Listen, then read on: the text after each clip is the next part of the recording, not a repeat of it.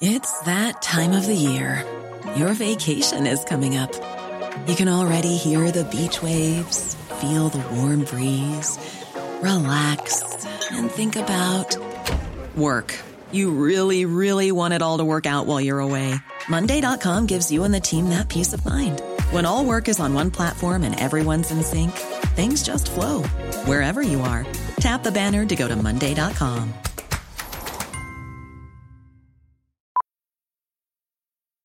Millions of people have lost weight with personalized plans from Noom, like Evan, who can't stand salads and still lost 50 pounds. Salads, generally, for most people, are the easy button, right? For me, that wasn't an option. I never really was a salad guy. That's just not who I am. But Noom worked for me. Get your personalized plan today at Noom.com. Real Noom user compensated to provide their story. In four weeks, the typical Noom user can expect to lose one to two pounds per week. Individual results may vary.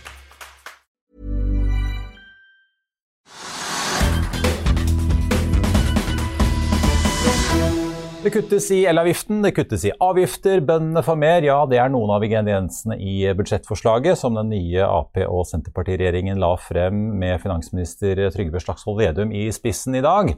Men hvem får regningen når de med under 750 000 i inntekt skal betale mindre? Vi tok en prat med Trygve Hegnar før sendingen i dag for å få hans analyse av hvordan budsjettet fra hans navnebror påvirker norsk næringsliv, og hva det sier oss om hva vi har i vente i årene fremover. Trygve, ikke helt overraskende så skrur de opp eh, formuesskatten litt, fra 0,85 til 0,95. Ja, det var for, som forventet. Det kunne, kunne, vært verre. Jeg hadde tippet at uh, de ville øke satsen til 1% men det gjorde de ikke. De gikk til 0,95% Men det er, det er, ikke det viktigste grepet. Det viktigste grepet er at de øker verdiene de, der hvor man skal betale denne skattesatsen.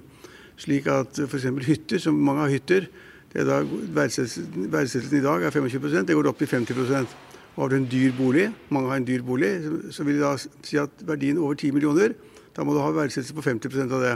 Og så vil verdsettelsen øke til 80% både for aksjer og driftsmidler. Men de gjør ikke det med en gang, for de er litt redde for hva folk vil si. Så de sier at de skal utrede det. Så Foreløpig så går da verdsettelsen fra 55 til 65% og så kommer den til å ende da på 80 eh, til neste år, tenker jeg. Men de gjør jo som eh, den eh, tidligere Solberg-regjeringen og strammer inn på folks boliger.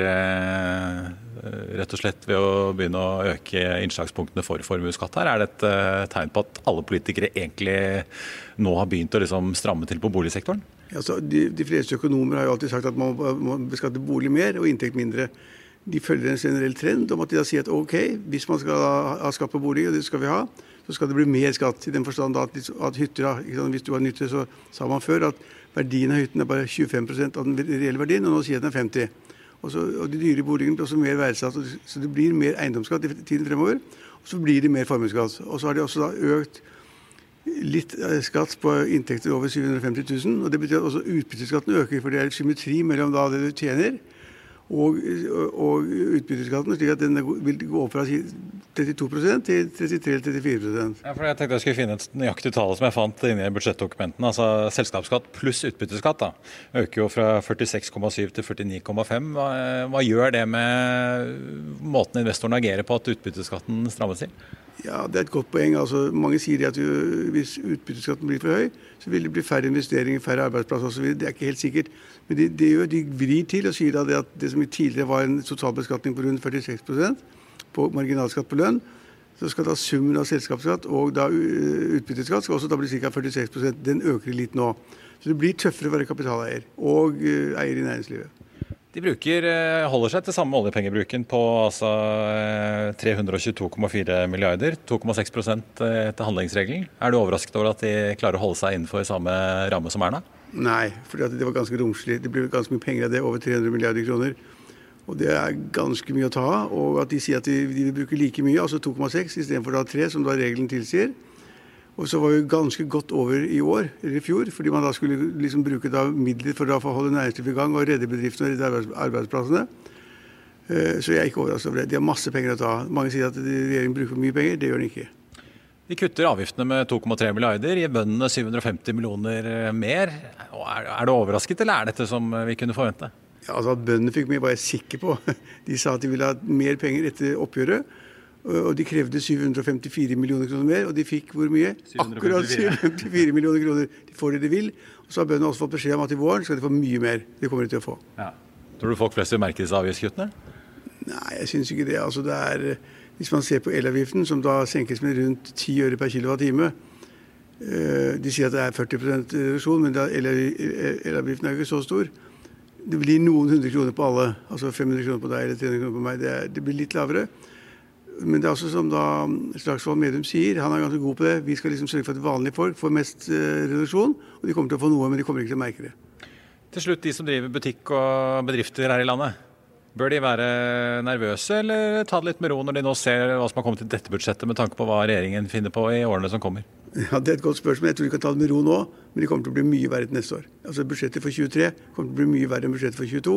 Nå skal man tenke seg om, skal man justere alle satsene, og så får man da kravene fra SV. Og SV kommer til å komme masse kraft med mye sterkere skatt, og Rødt, enn det som har kommet nå. Så regjeringen må kjempe for dette her, og så tipper jeg at SV og Rødt kommer til å jekke det opp lite grann.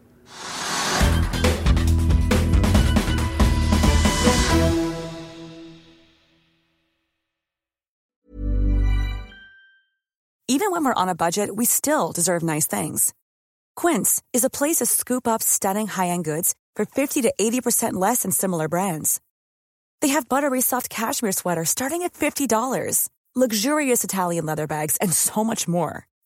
Plus, Quince only works with factories that use safe, ethical, and responsible manufacturing. Get the high-end goods you'll love without the high price tag with Quince. Go to quince.com slash style for free shipping and 365-day returns. Økonominyhetene er en podkast fra Finansavisen. Programledere er Marius Lorentzen, Stein Ove Haugen og Benedikte Storm Bamvik.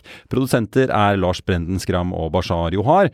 Og ansvarlig redaktør er Trygve Hegnar.